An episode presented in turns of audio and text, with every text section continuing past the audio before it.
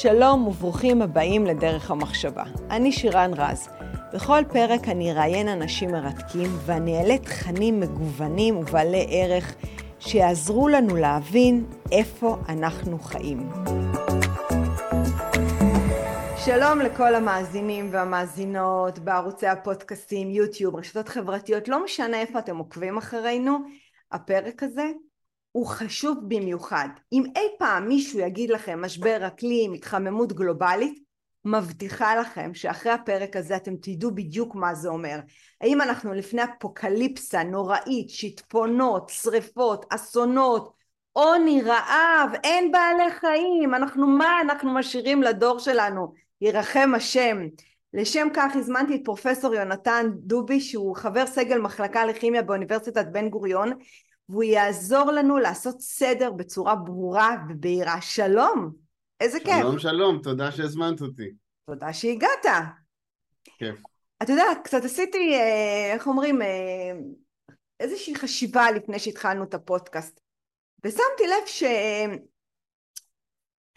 לפחות לפי הבנתי, לא היו, לא היו באמת כלים לבדוק את האנושות הרי משחר ההיסטוריה. כולם מדברים על איזשהו משבר שעומד בפתח, ואני אומרת לעצמי, מתי התחלנו להבין שיש בכלל משבר? ממתי אנחנו מתחילים את הספירה לאיזושהי אה, מציאות או תופעה שעליה אנחנו מתריעים, פוליטיקאים, אה, אה, בעלי ממון, אה, פעילים חברתיים, מתי התחלנו את כל זה? זאת, זאת שאלת מפתח אה, בד, ב, ב, לגמרי. בדיון על כל הנושא הזה של משבר האקלים. כי כשמסתכלים על איזשהו שינוי, שינוי שקורה סביבנו, אחד הדברים החשובים בו זה סקלת הזמן. אוקיי? אנחנו רוצים כן. לראות מה סקלת הזמן של השינוי. אני אתן ברשותך כמה דוגמאות שקשורות למשבר האקלים ממש שמספרים לנו שיש אותו, אוקיי? הדוגמה הראשונה זה העלייה בהתחמ... בטמפרטורות. נכון? Mm-hmm. קודם כל משבר האקלים מאופיין ככה אצל כל המדיה החברתית והפוליטיקאים והעיתונאים שמכניסים לנו את ההפחדות האלה אמ, מאופיין בעלייה של מעלה וקצת במאה השנים האחרונות. כן. נכון? נכון? מפחיד? נכון. אבל אם מסתכלים אחורה ויש לנו דרכים למדוד טמפרטורות אפילו אלפי שנים אחורה לא בעזרת מדחומים אלא בעזרת טכניקות מדעיות אה, שונות ומשונות ויפיפיות אנחנו יכולים לראות שאלף שנה אחורה כן. בתקופה של ימי הביניים בין המאה השמינית למאה ה-12 לספירה בערך היה חם כמו עכשיו אוקיי. לא היה, אה, אז זאת אומרת ותלכי אלפיים שנה אחורה בספרות התקופה הזאת נקראת התקופה החמה הרומית כי היה חם כמו עכשיו, כנראה יותר. מסתכלים שמונת אלפים שנה אחורה, כן. היה יותר חם מעכשיו, בערך בשלוש מעלות, והסהרה היה ירוק. אז אה, סקלת הזמן היא באמת מאוד מאוד חשובה. אז כשמדברים איתנו על ההתחממות הגלובלית, מי שמדבר על זה עכשיו מדבר בקונטקסט של חמישים השנה האחרונות. אבל צריך לזכור שאין משהו מיוחד בהתחממות הזאת. כדור הארץ ואפילו האנושות חוותה עליות טמפרטורה דומות מאוד למה שיש לנו עכשיו. אוקיי, okay, אז בעצם מה שאתה אומר זה שמשבר האקלים שווה התחממות גלובלית, שבעקבות ההתחממות הגלובלית במעלה או מעלה וחצי, אנחנו עלולים לפגוש אפוקליפסה נוראית בהמשך. ואתה בא ואומר, לא, זה לא באמת מה שאנחנו אומרים. אבל רגע אחד לפני שאנחנו הולכים לעתיד, אני עוד רוצה להישאר בעבר. מעולה. הרי מבחינתי אמ, אמ, אה, יש דבר כזה שנקרא, שכולם מדברים אה, אה, גז חממה, פחמן דו חמצני, אטמוספירה, אנחנו נמצאים הרי באיזשהו אפקט חממה, אוקיי? ממה שאני מבינה האטמוספירה וגזי החממה שומרים עלינו שלא נקפא מקור. בואו רגע נסביר למאזינים מה זה אומר. מאה אחוז, על רגל אחת כמובן, כי אחרת תצטרכו לקחת קורס של שמונה שעות. בגדול גזי חממה זה מולקולות mm-hmm. שמורכבות באופן אופייני משלושה אטומים וקצת יותר וכתוצאה מזה הם יודעים לבלוע אור. אבל הם יודעים לבלוע אור בתדר האינפרה אדום, התדר התת אדום, זה האור שאנחנו לא רואים. כן. אוקיי?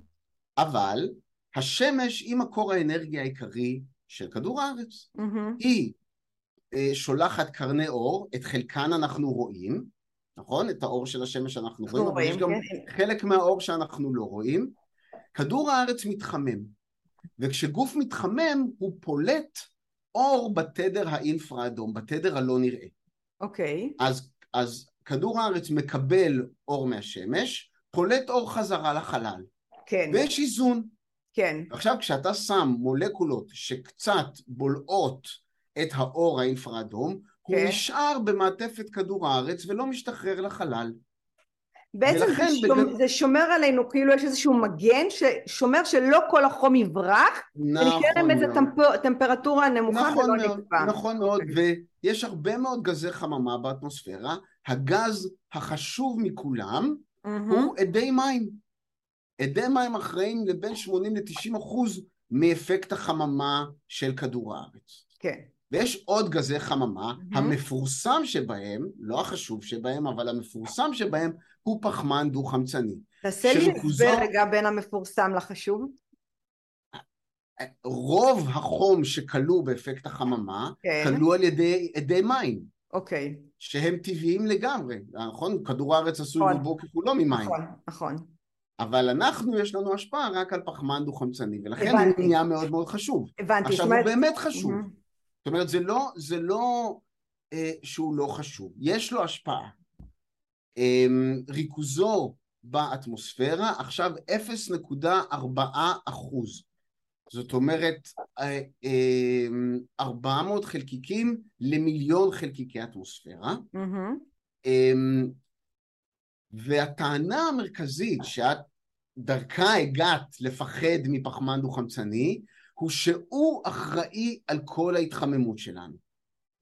אבל האמת, שירן, כן, שזאת תזה מדעית שאנחנו לא יודעים אם היא נכונה או לא. אוקיי. יכול להיות שהוא אחראי להכל, יכול להיות שהוא לא אחראי לכלום. רוב הסיכויים שזה משהו באמצע, כנראה על הצד הנמוך, שהוא כן. אחראי ל-20 אחוז, 15 אחוז מההתחממות האחרונה, אבל האמת היא אנחנו לא יודעים. יש עוד הרבה מאוד, הרבה מאוד גורמים שמשפיעים על שינויי טמפרטורות בכדור הארץ. הרבה מאוד גורמים. אני לא אפרט לך את כולם. אוקיי. עננות, תנועות שמש, זרמים באוקן, המון המון גורמים. אוקיי. זו מערכת מאוד מסובכת. בעצם אתה בא ואומר שהשליטה היחידה של בן האדם על כדור הארץ הוא בפחמן דו-חמצני.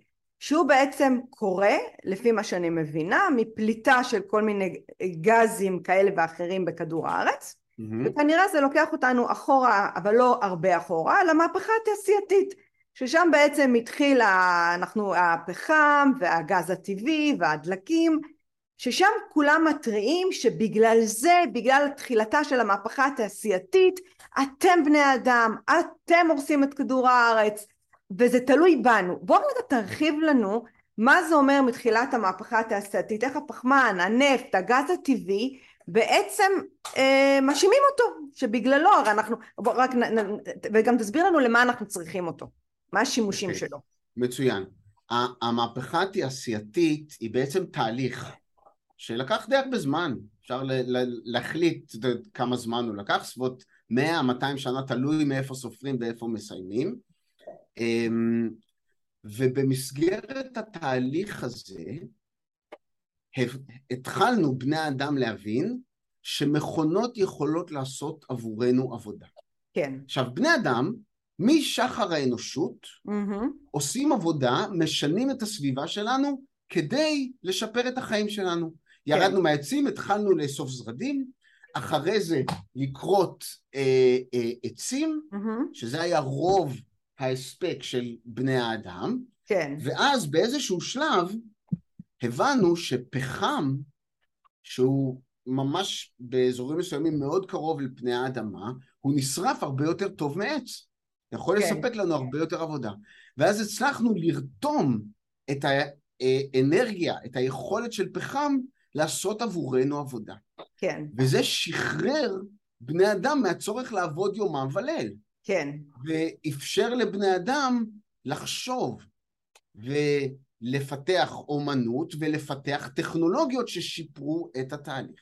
כן. עכשיו, לאט לאט ההבנה הזאת התגברה. Mm-hmm. עד תחילת המאה העשרים צדנו לוויתנים כמו משוגעים. Mm-hmm. עד כמעט עד כדי כיליון. מדוע? כי רצינו להאיר את השומן, אה, להאיר את הבתים שלנו בלילה, כדי. שנוכל כן. לחיות ולעבוד בלילה, זה חלק גדול מה, מהיכולות שלנו, ושומן לוויתנים בוער יופי. ואז גילו שנפט הוא מוצר שבוער עוד יותר טוב, ואפשר לעשות איתו עוד דברים, והוא יותר טוב משומן לוויתנים, והצלנו את הלוויתנים כי מצאנו... טוב, שזה כבר משמח. לגמרי. וככה גילינו עוד ועוד דברים שיכולים לשמש אותנו כדי לפנות לנו זמן על מנת לשפר את איכות החיים שלנו. עכשיו, כשאנחנו שורפים את הדלקים האלה, ואנחנו משתמשים בהם בצורות שונות, להפקת חשמל, זו צורה אחת. כמו המזגן אה, שכרגע פועל מאחוריי. לגמרי. או כמו אה, הפיכת אנרגיה כימית לתנועה.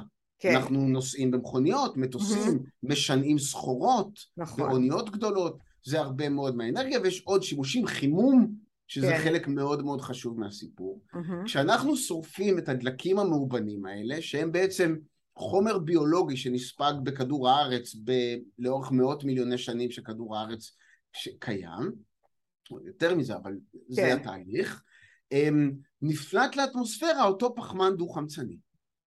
אבל אלו שמאשימים את המהפכה התעשייתית לא עושים, אה, לא מדייקים, בגלל שלמעשה הפלטה המשמעותית כן. של פחמן דו-חמצני לאטמוספירה לא התחילה בתחילת המהפכה התעשייתית, אלא התחילה רק בסביבות 1950, אחרי מלחמת העולם השנייה, כשהיה הבום בום התיעוש הגדול. כן. העולם המערבי בעקבות מלחמת אה, אה, העולם השנייה, השנייה, פתאום mm-hmm. כולו אה, אה, עבר לתיעוש מסיבי. כן. עכשיו, זה נשמע רע. נכון, נכון התחלנו, מאוד. התחלנו לפלוט דברים לאטמוספירה, לזהם את העולם. אבל צריך להבין שהעולם הוא לא פשוט, והראייה הזאת של, או, זה מזהם, זה רע, היא לא ראייה חכמה. אוקיי. Okay. בגלל שבמהלך מאה השנים האחרונות, כן. האנושות כן. הפכה אה, ממשהו שנלחם על חייו במובנים מאוד אמיתית, אמיתיים למשהו משגשג. אה, אחוז האנשים שחיים על, בקו העוני האבסולוטי של האו"ם, כן. ירד במאה חמישים השנה האחרונות מ-92 אחוז ל-10 אחוז. ועוני אמיתי זה דבר נורא. נורא. אה, תוחלת החיים עלתה מ-55, 55 אה, שנים ב-1800 ל-80. ובריאות, הבריאות שלנו השתפרה. תמותת הילדים כמעט נעלמה.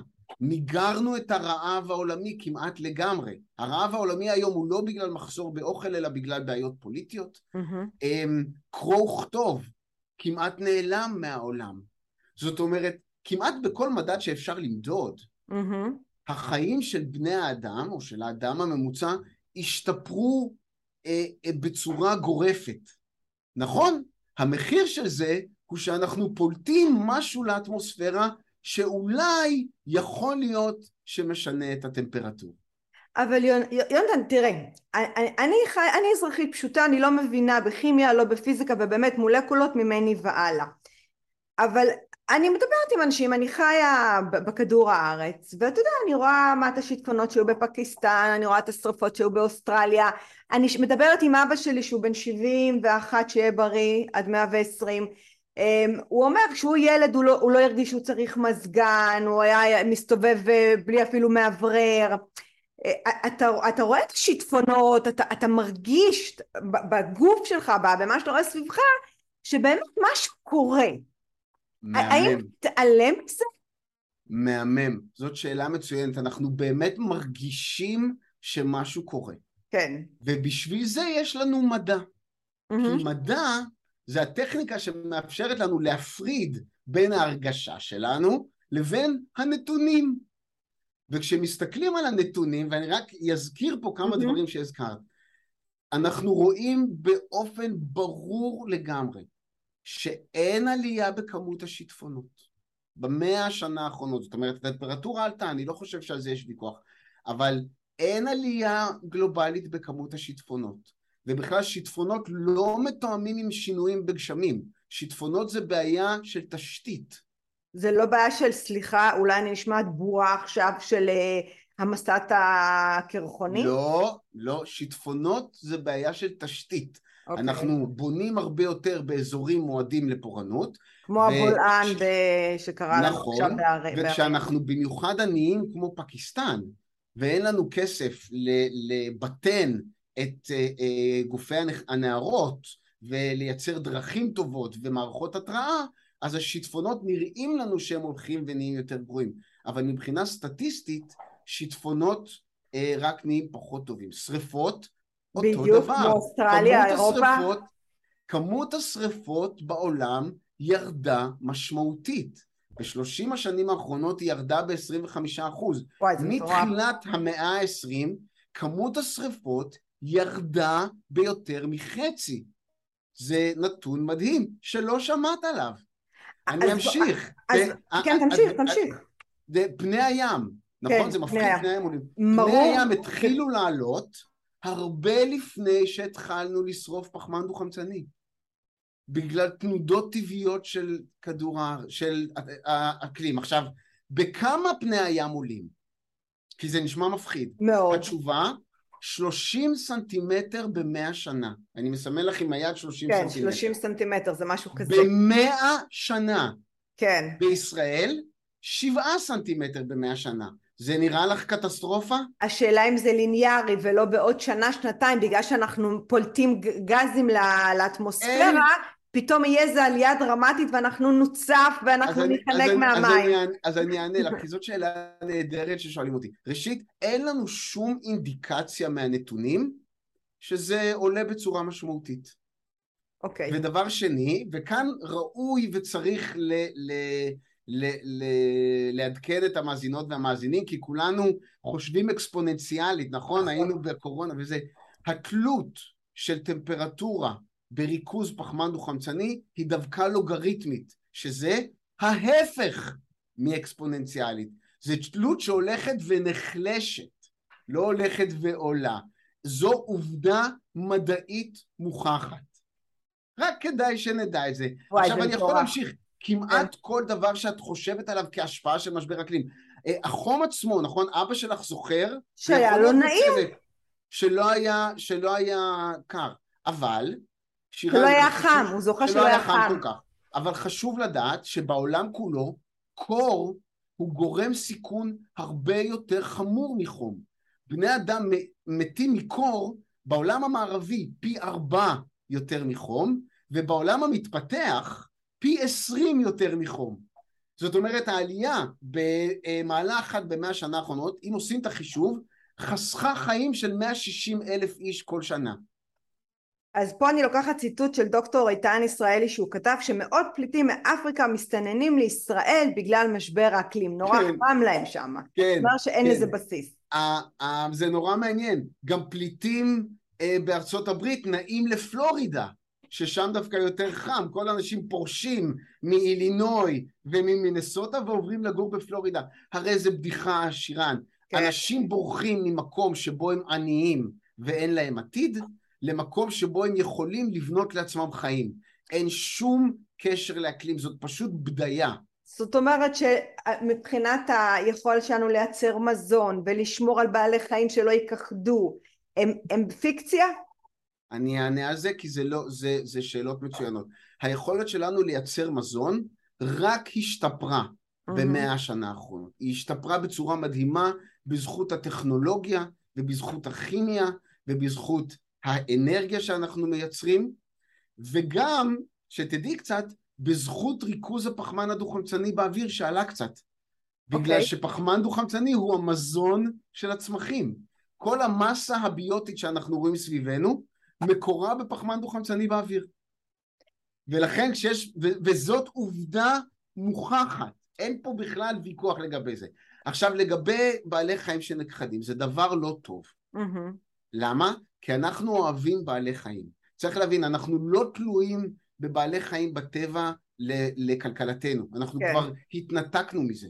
כן. אין שום דבר טבעי בחיטה, ואין שום דבר טבעי בתרנגולות. ו- אין. פשוט אבל הם לא חיטה- שומרים, הבעלי חיים, על איזה מערכות אקולוגיות נכון, טבעיות ש... אומרים, כן. אבל לכן, לכן אני מדייק. אנחנו לא תלויים במזון מהמם. בצורה משמעותית ב, ב, בטבע. זה, אם תרצי, ההישג המדהים של המהפכה התעשייתית, כן, שהתנתקנו מה, מהתלות באיתני הטבע. כן, אבל בעלי חיים וטבע הם דבר נפלא. כן. מדוע? בגלל הצורך האנושי באסתטיקה ומשמעות. אני לא, זה, צריך לחשוב על זה. למה כן. אכפת לנו אם הקרנף לבן החזה יכחד באפריקה? אוי, כאילו, נורא חמוד כזה? ויפה. או, אבל זה יפה. זה, אוח. עכשיו, זה ואני גם מרחמת עליהם שלא יפגעו בהם. היה לי בבוקר לטאה מדהימה צבעונית על הספה, אז לא שיקרה לה משהו רע. למה? מה אכפת לך? היא לא חשובה להישרדות שלך, אבל היא, חש... היא נותנת לך משמעות בחיים. ברור. בני אדם הם היצור היחיד שהאסתטיקה נותנת לו משמעות, ובלי כן. משמעות אין לנו שום קיום. כן, ולכן זה מאוד מאוד חשוב שנשמור על הטבע הפראי ועל חיות הבר. עכשיו, מדוע חיות בר נכחדות? משתי סיבות. אף אחת מהן לא קשורה לאקלים. אנחנו צדים אותם, כן, ואנחנו מקטינים את שטחי המחיה שלהם. הבנתי. עכשיו, לצוד חיות בר כמעט והפסקנו. את את דובי הקוטב משגשגים בגלל שהפסקנו לצוד אותם, הלוויתנים משגשגים בגלל שהפסקנו לצוד אותם. איפה צדים בעלי חיים? במקומות העניים ביותר, מהמם. במרכז אפריקה ובדרום מזרח אסיה. זאת אומרת, צד בעלי חיים מקושר לא עם משבר אקלים ולא עם כלום, אלא עם עוני. עכשיו, כן, לגבי כן. צמצום שטחי המחיה, הדרך הנכונה ל- ל- לא, ל- לא לצמצם שטחי המחיה היא לייצר מערכת של בני אדם שמשפיעה כמה שפחות על השטח. כן. למשל. אה, להמשיך לחפש טכנולוגיות שמגדילות את ה-yield, את היעילות של מהמם. גידולים חקלאיים. וכבר עכשיו זה קורה, השטח של גידולים חקלאיים הולך ומצטמצם. אז אנחנו עובדים בכיוון הזה. אבל איפה אה, אה, משמידים שטח? שוב, במקומות עניים. זאת אומרת, הכל מתקשר לעוני אנושי. כן, אבל, אבל זה לא, לא נותן לי תשובה לת- לתמונה המאוד uh, מפורסמת שרצה בכל מקום ברשת על הדוב הקוטב הצפוני שיושב על חתיכת קרח קטנה והכל הקרח נמס ואין לו איפה לחיות יותר ורחמים כמעט הזמנתי אותו אליי הביתה. זאת אומרת איך אתה מסביר את זה שמראים תמונות? קראתי 97% מהמדענים טוענים שהאדם הוא הסיבה. אה, תראו מה קורה אין להם מקום הקרחונים נמסים תן לי תשובה על זה אז, אז קודם כל נבהיר, מצבם של דובי הקוטב טוב משהיה מאז התיעוד של דובי קוטב. כן בחמישים שנה האחרונות האוכלוסייה שלהם גדלה בצורה משמעותית והתבססה. אוקיי, חשוב לדעת. למה את רק שומעת, עכשיו גם ה-97% הזאת זאת בדיה, זה פשוט, יש לנו עכשיו מאמר בשיפוט מדעי מהמם. שמראה את הכשלים המתודולוגיים במאמרים האלה שפרסמו את המספר ההזוי הזה, זה פשוט, את יודעת, תתני לי להשתמש בלשון מדעית כי אני מדען, זה פשוט. קשקוש בלבוש. אמ, מדוע זה קורה? זאת שאלה, זאת בעצם שאלה מאוד משמעותית. למה אף אחד לא שומע את, ה, את הנתונים האמיתיים? מדוע אני- מזמינים... אני אאתגר אותך, אני אאתגר אותך. הרי, הרי בסופו של דבר אה, העולם שלנו פועל לפי פוליטיקאים ואנשים בעלי כוח, בסדר? פעילים חברתיים הם תוצאה שלהם. אני, אני, אני מנסה לחשוב מה עומד מאחורי האינטרסים של הפוליטיקאים וקבוצות כוח שהן בעצם משדרות את זה לאזרחים בכל העולם, לייצר את הפאניקה. הרי יש פה פאניקה, אוקיי? כל מי שאני שאלתי לפני הפודקאסט הזה, כולם הגיבו והם גם התווכחו איתי שהם קראו הם, הם, מד, מדענים באירופה של 400 דפים וש, ושהכול עומד לפני קריסה. אז הם קראו, כן, כן, הם לא קראו דוחות מדעיים ומאמרים, הם קראו סיכומים הם קראו כתבות עיתונות, ו- ומה שאת שואלת הוא שאלה קשה מאוד. ואת יודעת, תחום המחקר שלי הוא פיזיקה תיאורטית, אני רק יכול לעשות ספקולציות והן יהיו טובות כמו שלך. אבל היות והקדשתי לזה מחשבה, אז אני אתן לך את התשובה שלי, ואני בבקשה. מקווה שהיא תספק אותך. בבקשה. אני חושב שיש כאן, קודם כל אני לא חושב שיש פה איזה קונספירציה. זאת אומרת, זה לא איזה קבוצה של אנשים שיושבים בחדר ואומרים בואו נדחוף את ה... כן, לא, אני חושב שיש כאן שילוב של אה, סיטואציות, כן. או שילוב של גורמים. גורם אחד הוא באמת הרצון של פוליטיקאים.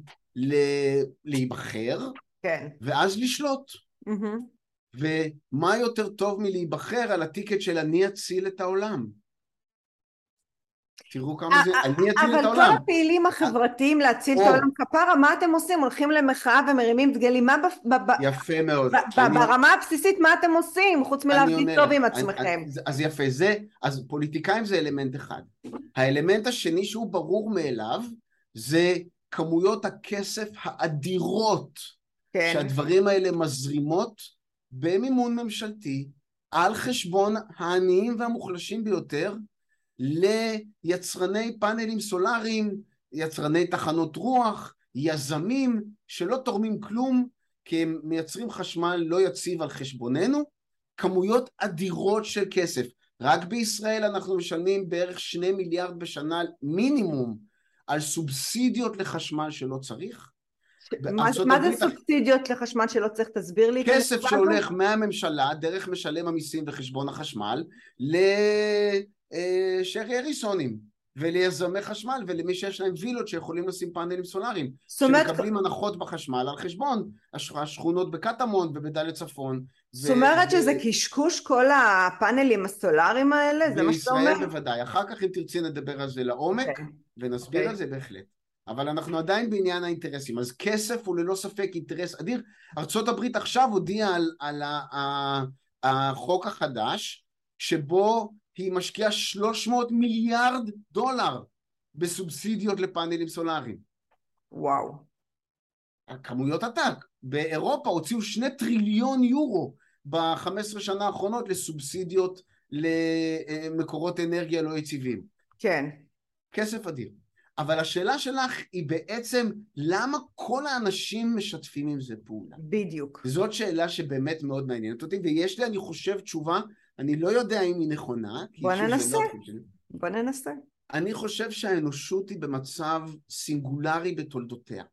אוקיי, שבהם בני אדם, בעיקר בעולם הלבן המערבי השבע, העשיר, הגיעו למצב שהם לא צריכים לדאוג ממה הם, מה הם יאכלו לארוחת ערב, איך הם יחממו את הבית ומה הילדים שלהם, איך הילדים שלהם ישרדו. הגענו לזה תוך 150 שנה, נכון. זה כלום. נכון. זה תהליך אחד. תהליך שני הוא תהליך החילון המשמעותי של החברה המערבית.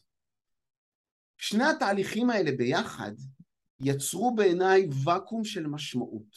Mm-hmm. כי מה נותן לך משמעות בחיים? נותן לך משמעות בחיים לדאוג ליקרים לך, לדאוג למשפחה, נכון. לדאוג לקהילה, והדבר השני שנותן לך משמעות היא היאחזות בדת. זה משהו שהוא גדול ממך גם. משהו גדול ממך. ברור. והוואקום הזה חייב להתמלא, כי בני אדם לא יכולים לחיות בלי משמעות. נכון. ולכן אנשים אימצו את האידיאולוגיה הירוקה, שהיא במובנים אמיתיים מאוד ממש דת. Mm-hmm. והאידיאולוגיה הזאת אומרת, האידיאל הוא כדור הארץ, כן. הבלתי מופרע. כן. וכל דבר שאנחנו עושים ומשנים את האידיאל הזה, הוא רע מיסודו. כן.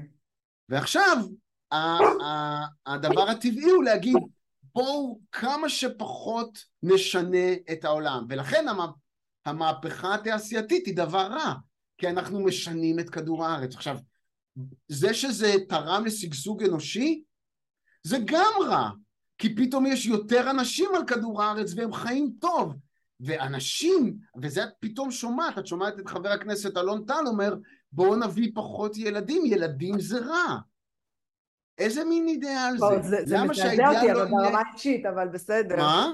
זה מז... האמירה הזו מזעזעת אותי ברמה אישית שמישהו אומר אבל דבר אני כזה. רואה קו שמקשר כן, בין אנשים שיוצאים עם אה, אה, שלטים אה, להגן, אין לנו עוד כדור הארץ, לבין אנשים שאומרים צריך להיות בכדור הארץ רק מיליארד בני אדם, ולא שבעה או שמונה מיליארד כמו שיש עכשיו, שזה בעיניי, אתה יודע, אני אומר להם בסדר, אבל אתם תרכיבו את הרשימה, כי אני לא מוכן, אני רוצה שכל בני האדם ישגשגו ויפרחו ויחיו חיים משמעותיים, זה האידיאל כן, שעל פיו אני חי.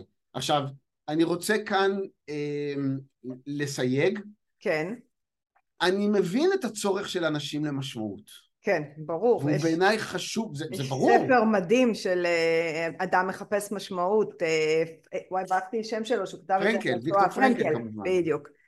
ברור. כן. ואני קורא מפה לכל האנשים שרוצים לתת לעצמם משמעות, אבל יוצאים להפגנות כדי להרגיש טוב עם עצמם. אתם לא עושים טוב באמת, אתם עושים נזק, אבל אתם רק גורמים לעצמכם להרגיש טוב. אתם רוצים לעשות באמת טוב, תעשו טוב ישירות ברמת המשפחה, ברמת הקהילה.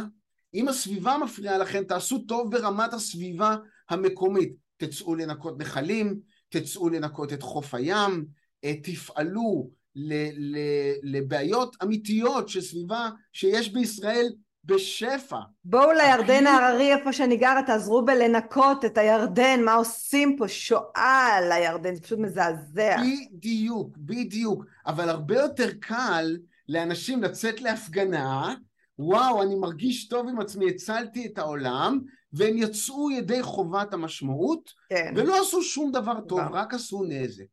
ואם תרצי, אתן לך דוגמאות לנזקים שהדברים האלה אני עושים. אשמח דרך אגב, זה כן חשוב לי.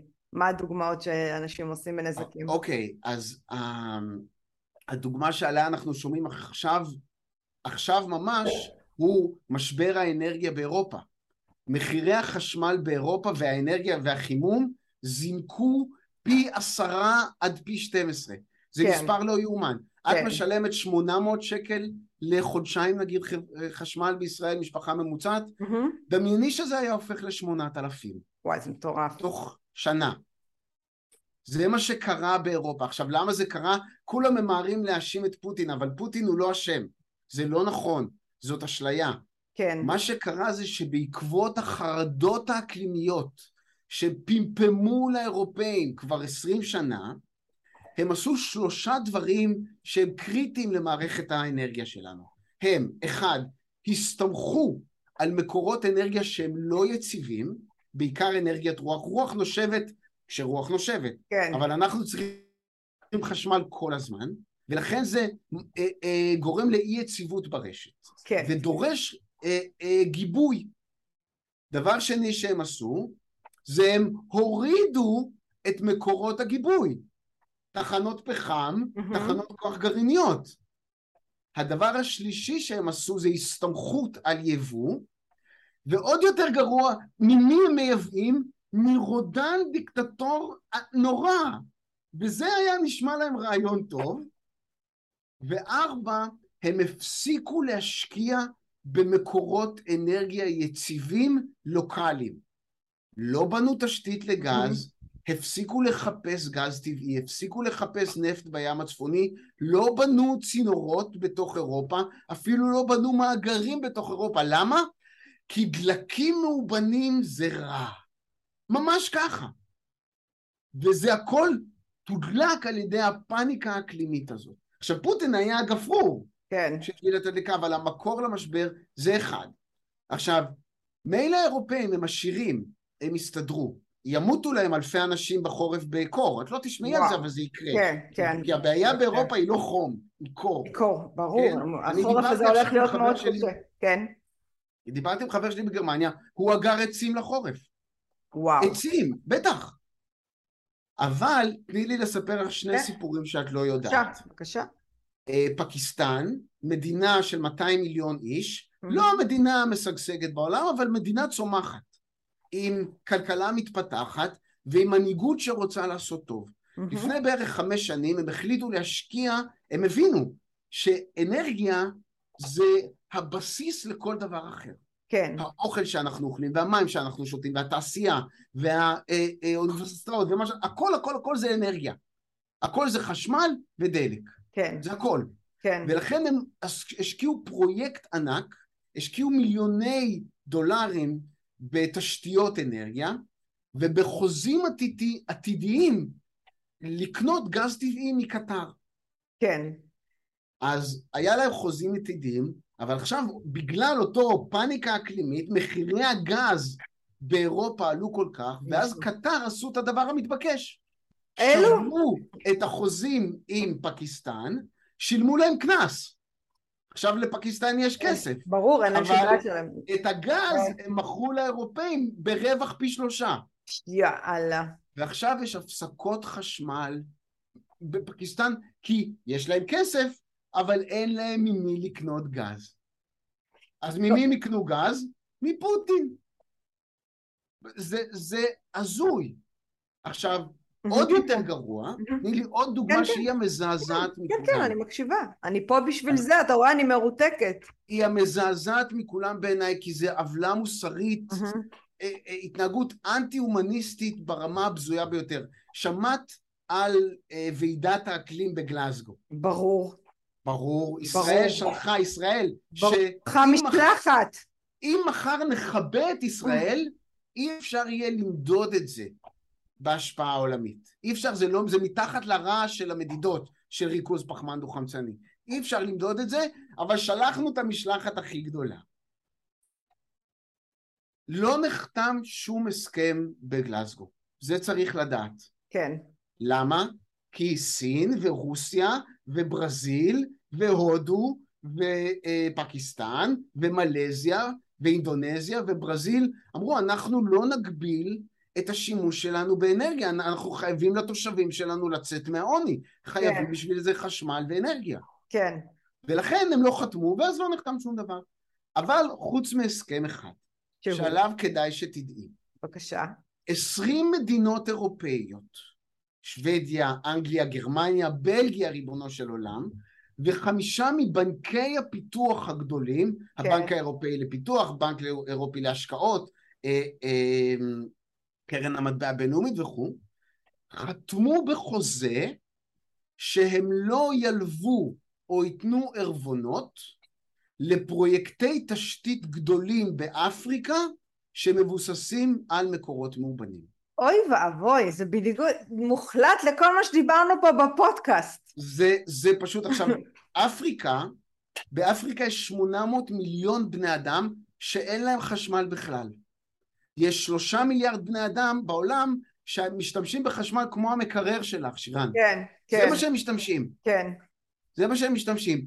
אי אפשר לצאת מעוני בלי אנרגיה, זה תנאי הכרחי. כן. ואפריקה יושבת על מאגרי גז אדירים, אדירים, שלא יאומנו. אבל צריך המון כסף כדי לפתח את זה. לא, בטח סין תשתלט על זה מהר מאוד. אבל האירופאים, תבין, מבלגיה, שהתעללה באפריקה מאות שנים, אומרת, אנחנו לא, אפילו לא נלווה לכם כסף כדי לפתח את עצמכם. את מבינה כמה זה לא מוסרי בעיניי? אני, אני זה... לגמרי איתך, דרך אגב, אני חושבת המון דברים, אני פשוט, זה לא הפודקאסט, אז אני מתאפקת לא, לא, לא, לא להשתולל פה בדעות שלי, זה, אז אני זה, די מאופקת. זה בעיניי מדיניות אנטי-הומניסטית, כן. לא מוסרית, והיא נדחפת כולה מהפאניקה האקלימית. כן. אז רגע, תראה, זה מוביל אותי לשאלה מתבקשת, שהמאבק של בנימין נתניהו באסדות הגז במדינת ישראל, שהשמאל קרא אותו והוא עמד על הרגליים האחוריות שזה יקרה, הוא בעצם עשה פה מהלך אה, חכם, גאוני ושומר עלינו היום אה, עם כל מה שקורה בעולם. כן, אז אה, אה קודם כל לדעתי האישית, כי אני קצת מכיר, הקרדיט צריך לבוא לשטייניץ, בהחלט לביבי מגיע... לא, לא, אין, אין, אה, שטייניץ, אני מסכימה, הוא גם עמד, גם איתן. הוא היה כן, הכוח כן, המניע. כן. לישראל מה? קרה נס גלוי.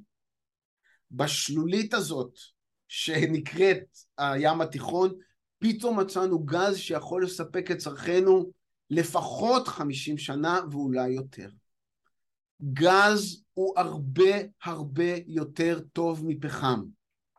הרבה יותר טוב. הוא בפי אה, אה, או ב-90 אחוז יותר נקי mm-hmm. מבחינת מזהמים אמיתיים, ואפילו לשיטת המודאגים, הוא חוסך 50 אחוז מפליטות הפחמן הדו-חמצני.